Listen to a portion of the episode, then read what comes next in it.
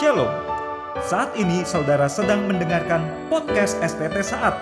Podcast ini berisi penyampaian firman Tuhan yang bukan hanya akan memperluas pemahaman iman, namun juga akan mentransformasi kehidupan saudara.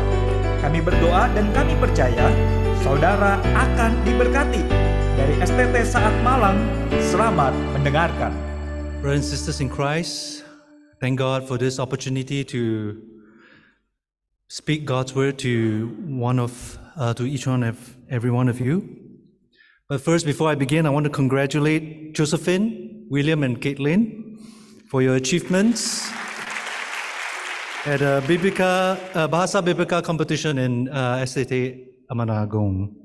I mean, we are very proud of you. There are a lot of Hebrew and Greek vocabularies that you memorized. Good job.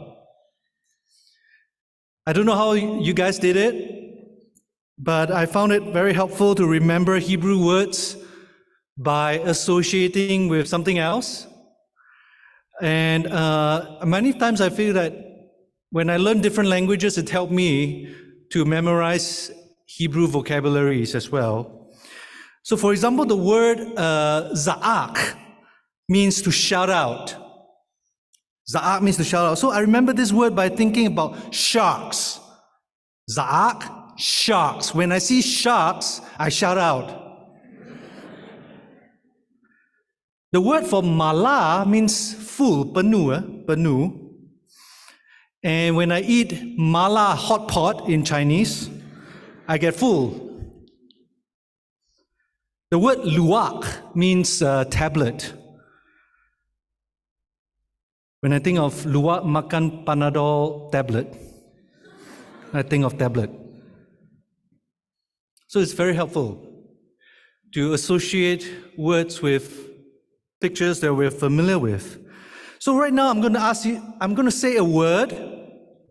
And the moment I say the word, I want you to associate that word with a face.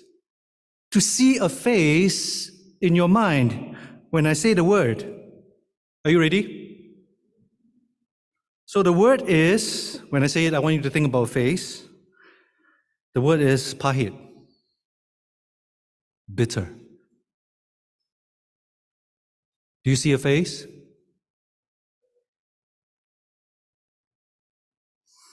I see the face of a woman about 40 years old. She sits drawn and confused in a room furnished by the casket company. She is banked on all sides by flowers.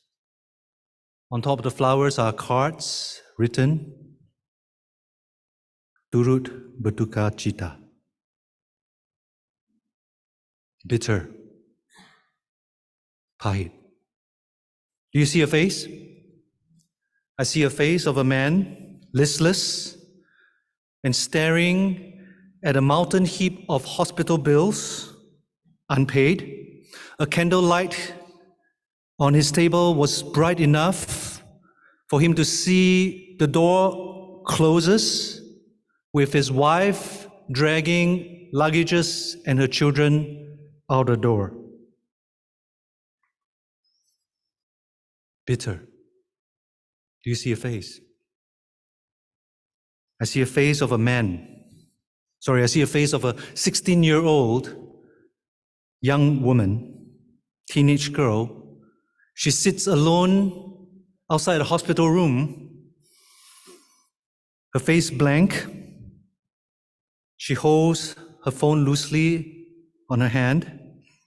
The screen shows a message. It reads, Sorry, the baby is not mine. Bitter. Do you see a face?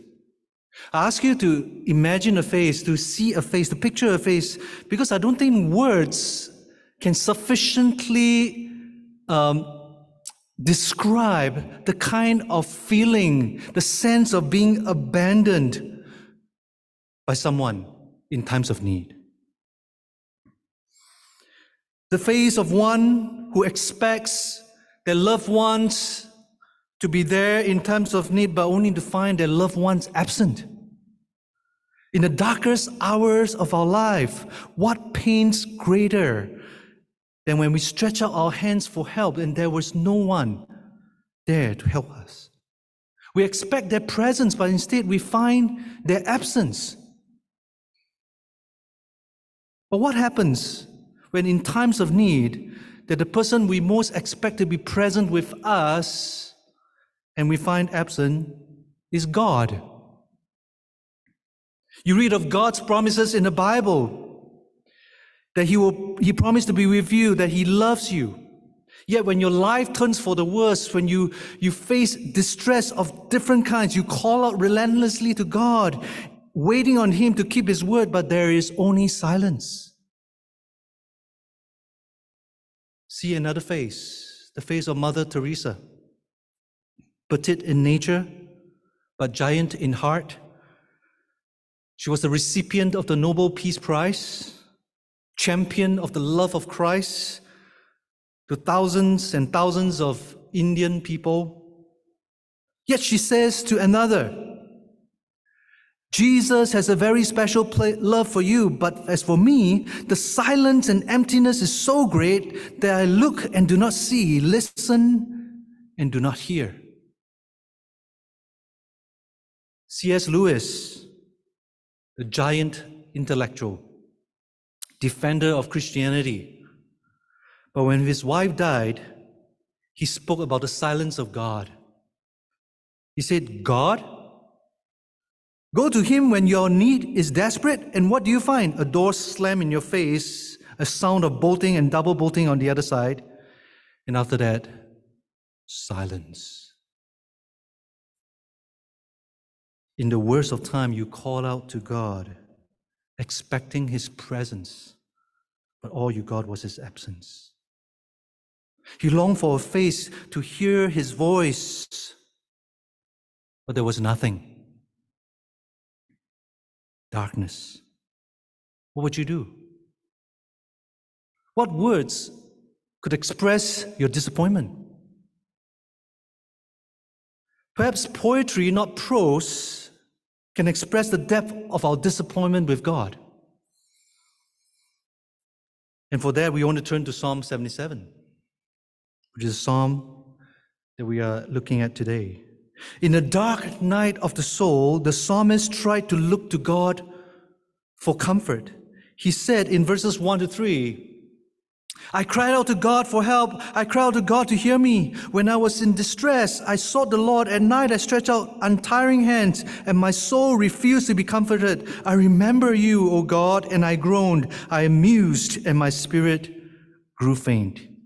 See, there's something amiss in this psalm. The psalmist, in crying out to God, cannot be comforted. He said, I remember you, O God, and I groaned. I mused, and my spirit grew faint.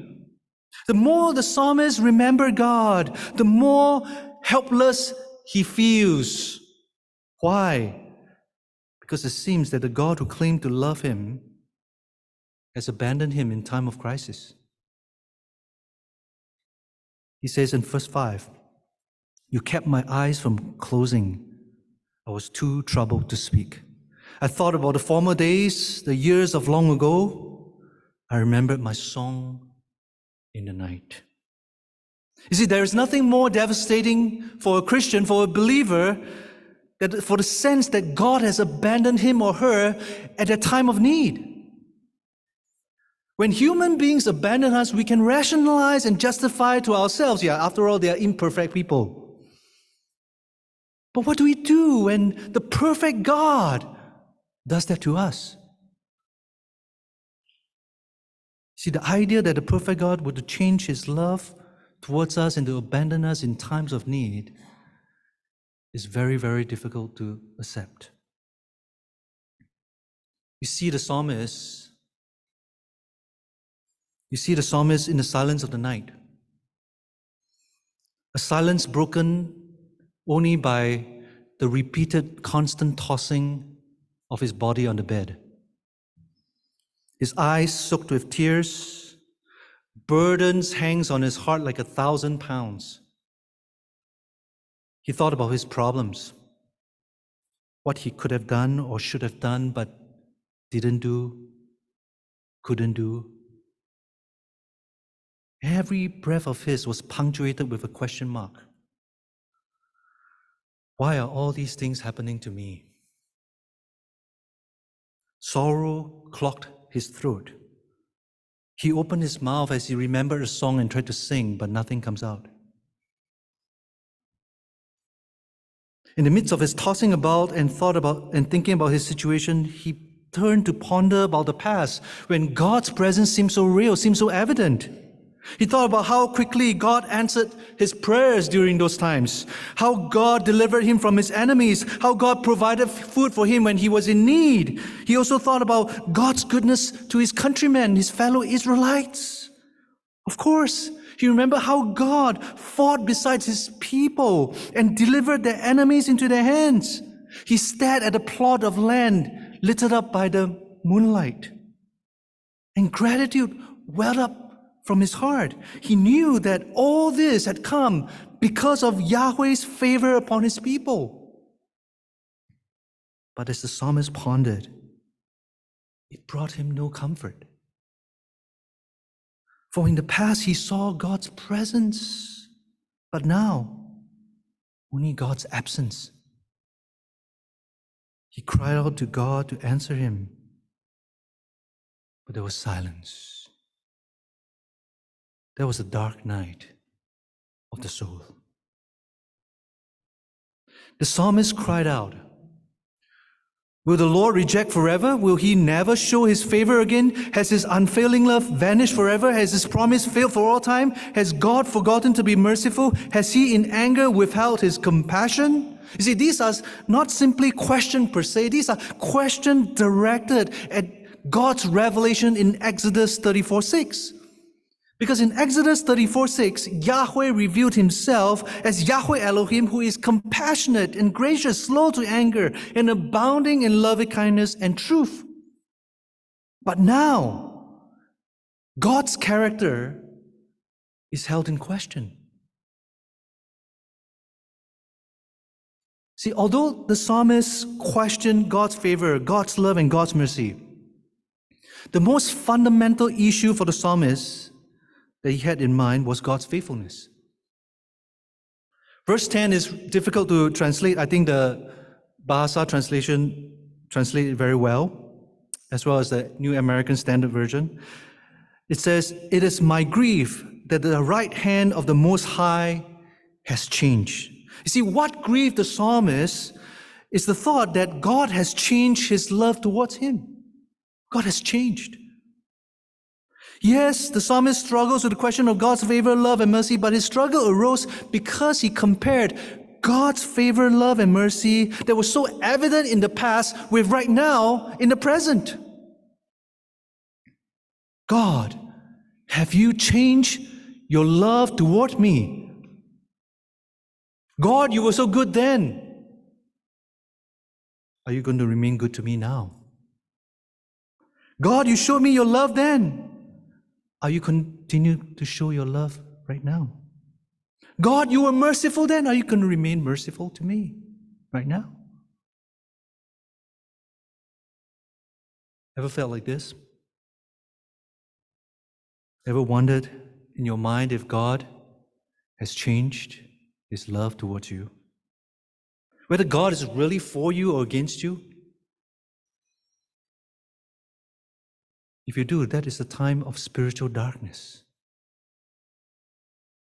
You strain your eyes in the night to see if God is there, but there's nothing.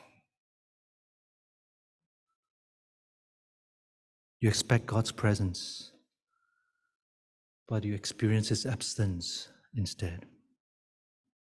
In times of darkness, what do you do? Perhaps we can begin by talking about what we shouldn't do, what we shouldn't think in times of such darkness. When we feel God's absence, instead of lingering on the questions, we might, we might be easily tempted to go for the simplistic answers. We might jump to the conclusion since God is not obviously present in our lives, Therefore, he does not really matter. We might think, as Job's wife suggested to Job while he was sitting in the ash pile, the ash pile of what the wealth, the, all the wealth that he once had, scraping the painful boils from his skin. And Job's wife suggested, curse God and die. And what this basically means is God is no longer relevant. God no longer matters. Your life doesn't matter too. God doesn't matter, you don't matter. Curse God and die. Perhaps if you curse God, God will really kill you. You find relief from all your troubles. And in face of such horrible suffering, the honor and the worship of God does not matter anymore. God does not matter. Curse God and die. Few of us will take such extreme measures, extreme reaction when we see that God is absent from our life. Few of us would take such. Instead of curse God and die, I think we might more easily be tempted to adopt the motto ignore God and live, which is basically the same, just not extreme. Ignore God and live was the motto of the Israelites during the days of Judges. In the book of Judges, there are seven cycles of the Israelite apostasy. Each time Israel will do evil in the sight of the Lord, God will deliver them into the hands of their enemies, and then they will cry out to God for help, and then God will send a deliverer and rescue them. But by the seventh time, Israel no longer cry out to God for help. By the seventh time, Israel had so gotten used to God's absence in their life that God does not really matter. What matters is what they do. It's all up to Israel now. So much so that the repeated phrase, refrain in the book of Judges was At that time there was no king in Israel, and everyone did what was right in their eyes. Everyone did what was right in their eyes. God was supposed to be Israel's true king, but since God does not matter, so everyone did what was right in their own eyes. It's, God doesn't matter. It's all up to humans now. See a person always expending great energies, defending himself from every single criticism. See a person constantly getting back at people who hurt him in the slightest way. You see a person constantly worried about how people look at him, constantly try to be liked by everyone, especially those who are influential in the community. You see a person anxious and fearful that if he ever spoke the truth, he will lose his job, lose his career. Here is one who acts like whether God is there or not, it does not really matter. It's all up to him. There is no waiting before God. There is no kneeling before God in prayer. There is no complaining to God. There is no pleading with God. It's all up to Him now.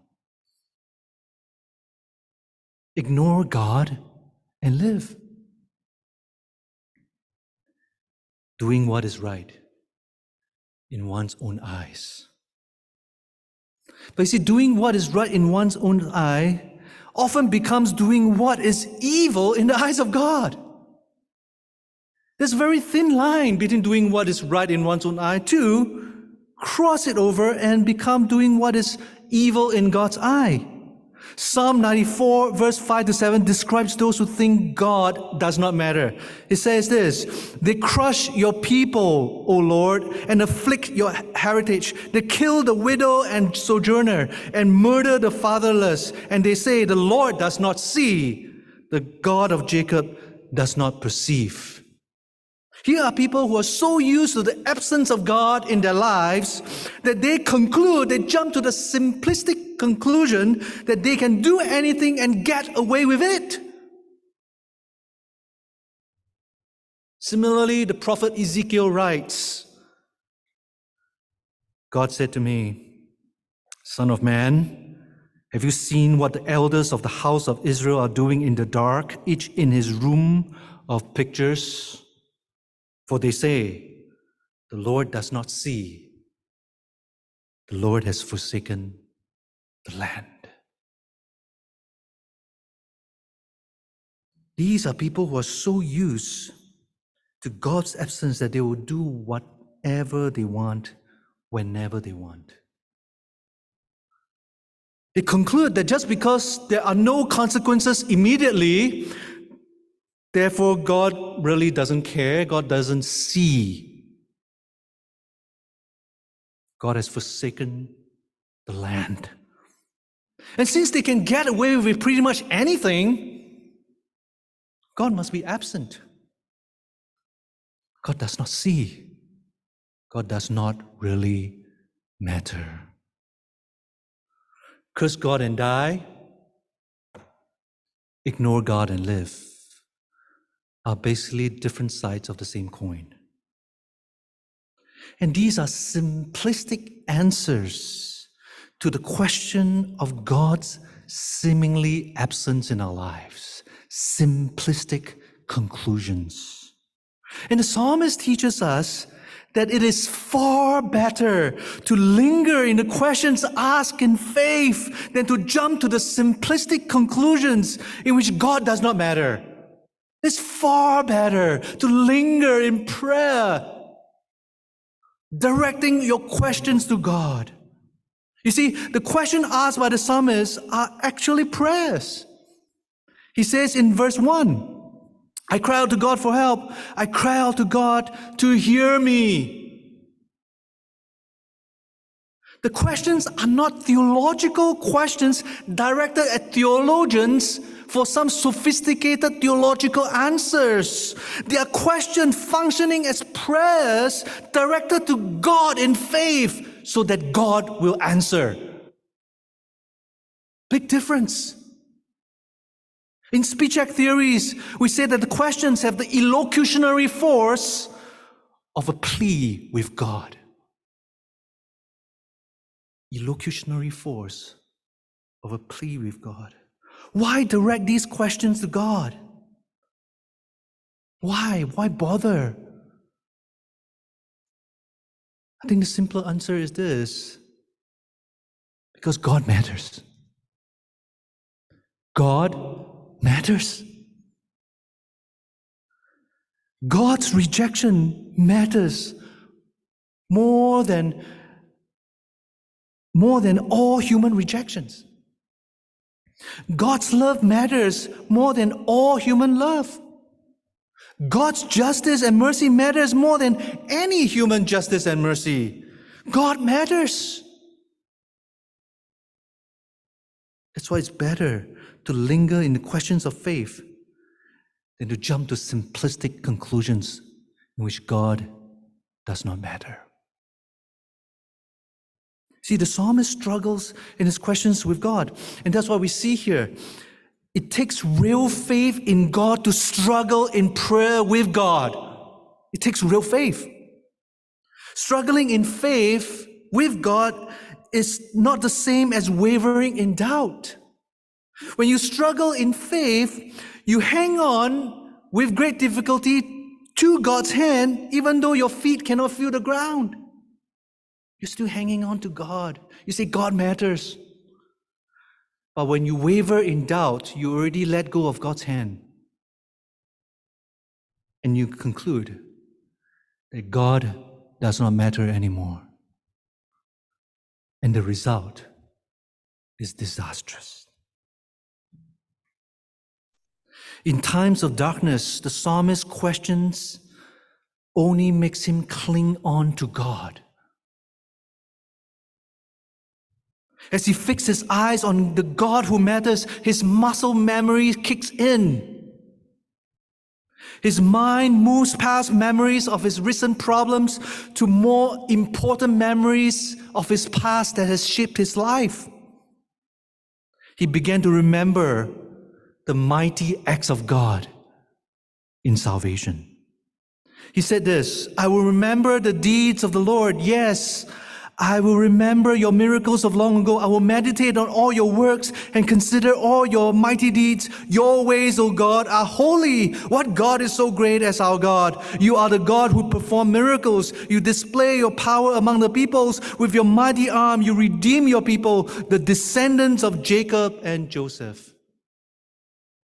You see, the psalmist knew that whatever feeling he has about God's absence does not mean that God is not there. God may appear to be absent, but He is always present. In fact, the sense of God's absence is so much more common in the Bible than God's dramatic presence, isn't it? So much so that Samuel Terrien, the Old Testament theologian, saw the elusive presence of God as a central theme of the Bible. God may be elusive, but He is always there. And it was God's mighty act of salvation in history that makes it clear that God was always present with Israel. You see, in times of darkness, the psalmist not only cling on to God with his question, he saw the answers of God's presence in God's mighty act of salvation. The psalmist recalls how Yahweh delivered Israel out of Egypt with his mighty miracles. Yahweh did so to fulfill his promises to Abraham, Isaac, and Jacob after 400 years of silence. There is none like Yahweh. The gods of the pagan world were capricious, always contradicting themselves. None of them can be called faithful. Yahweh was the one who has kept his promises to Abraham, Isaac, and Jacob. And he was the one who has redeemed Israel for himself with his mighty hands and an outstretched arm. See, seeing God's mighty act of salvation in history in the dark assured the psalmist of God's faithfulness. Yet for the Christians, the Exodus event was not the climax of God's act of salvation. You see, the Son of God took on flesh and dwelt among us to represent God's presence to us. And Jesus went to the cross where he experienced God's absence for us. On the cross, Jesus cried, Eloi, Eloi, lama sabachthani. That is, my God, my God, why have you forsaken me? We should not forget that only Jesus is truly the innocent, God forsaken sufferer in all of human history. For the psalmist, Israel, and us, and the rest of humanity, God has every right to forsake us because our sins ignite his wrath. God has every right to forsake everyone who so easily consider him as irrelevant in our lives. But Jesus Christ is the only truly innocent, God forsaken sufferer who went to the cross for us. The Son of God took on flesh to represent God's presence to us but he also went to the cross to experience God's absence for us. Christ experienced God's abandonment so that you and I will never be abandoned by God. See, on the cross, Jesus also cried out with his final breath, It is finished. It is finished. And this means that Jesus has accomplished his Father's plan of salvation. It is finished means Jesus has fulfilled all God's promises. And with these last words, Jesus answered the questions God's people have asked throughout history over and over again? Has his unfailing love vanished forever? Has his promise failed for all time? Has and the answer to those questions is no, never. God has never failed. The Lord will never forsake his promises. In Christ, all the promises of God are fulfilled. That's why the Apostle Paul put it, put it this way. For all the promises of God find a yes in Him. That is why it is through Him we utter our amen to God for His glory. In Christ, we see God's long suffering patience towards sinners like us. We see God's faithfulness. See, seeing Jesus in the dark assures us of God's faithfulness. In Jesus, we see one who represents God's presence to us, experience God's absence for us in God's mighty act of salvation. Jesus is God's answer to the questioning prayers of the psalmist and of us. In times of darkness, when God seems more absent than present, we cling on to God with questioning prayers and see his answer in the face of Christ. In Jesus, the question of the psalmist transformed to the questions of Paul. For Paul asks, what then shall we say to these things? If God is for us, who can be against us? He who did not spare his own son, but gave him up for us all, how will he not also with him graciously give us all things? Seeing Jesus in the dark assures us of God's faithfulness towards us. In Christ Jesus, all questions that reflect an uncertainty of God's love towards us gets resolved. Not only that, seeing Jesus in the dark transform our fear of the unknown into anticipation of God's mysterious ways. What we once called the dark night of the soul becomes a discovery of God's mysterious ways in our lives. When we become assured because of Christ, we can trust that God is always faithful. Because of that, we trust that God works in mysterious ways in our lives. See, seeing Jesus in the dark transform our fear of the unknown to anticipation of God's mysterious ways.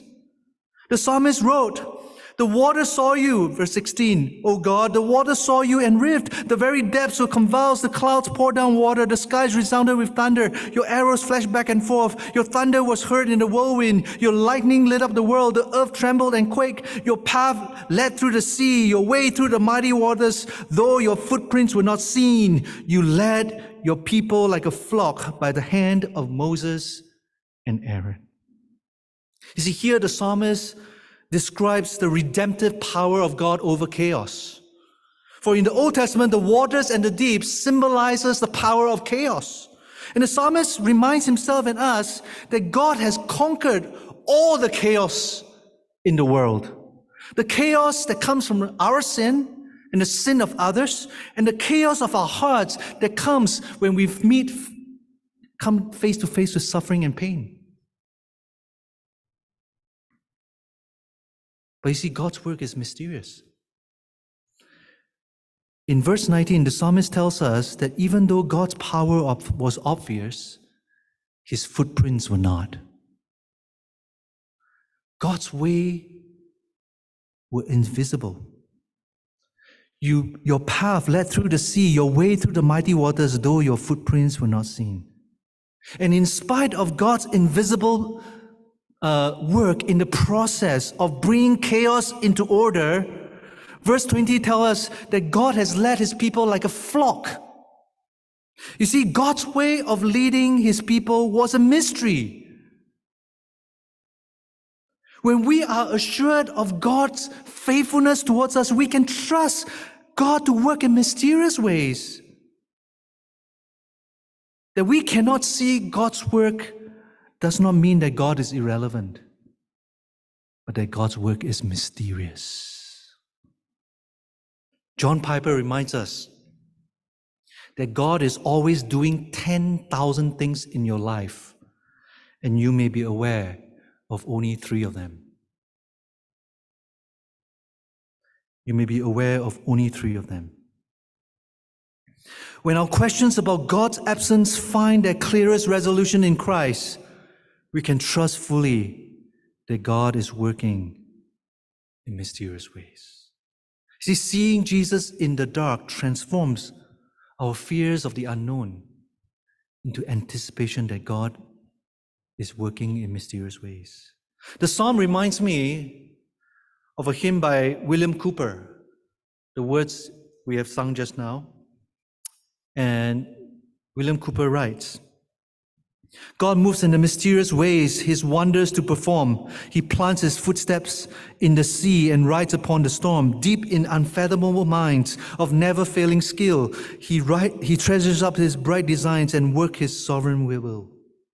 You see, William Cowper was a man who struggled with depression and doubt all his life. It was said that at one point of his life, he wanted to commit suicide and end it all by jumping off the river Thames. So he got onto the cab, asked the driver to drive him to the river where he decided he's going to jump. But out of nowhere, a thick fog sets in and the driver got lost. And they went around and around the city when eventually the driver finally let William Cowper off. He found himself right outside the doorstep of his house. God has sent the fog to prevent him from killing himself. And with this experience, Cowper writes Judge not the Lord by feeble sense, but trust him for all his grace. Behind a frowning providence, he hides a smiling face. His purposes will ripen fast, unfolding every hour.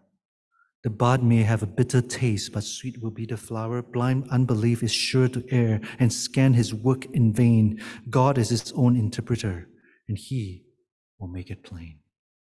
Dear brothers and sisters, without God, the unknown is very scary. But with God, the unknown is a mystery. Every turn is full of surprises that God brings into your life. Today, we also celebrate the 71st anniversary of SAAT. For 71 years, SAAT has experienced God's faithfulness. And to be sure, there were days when it was dark as night and days when it was bright as sunshine.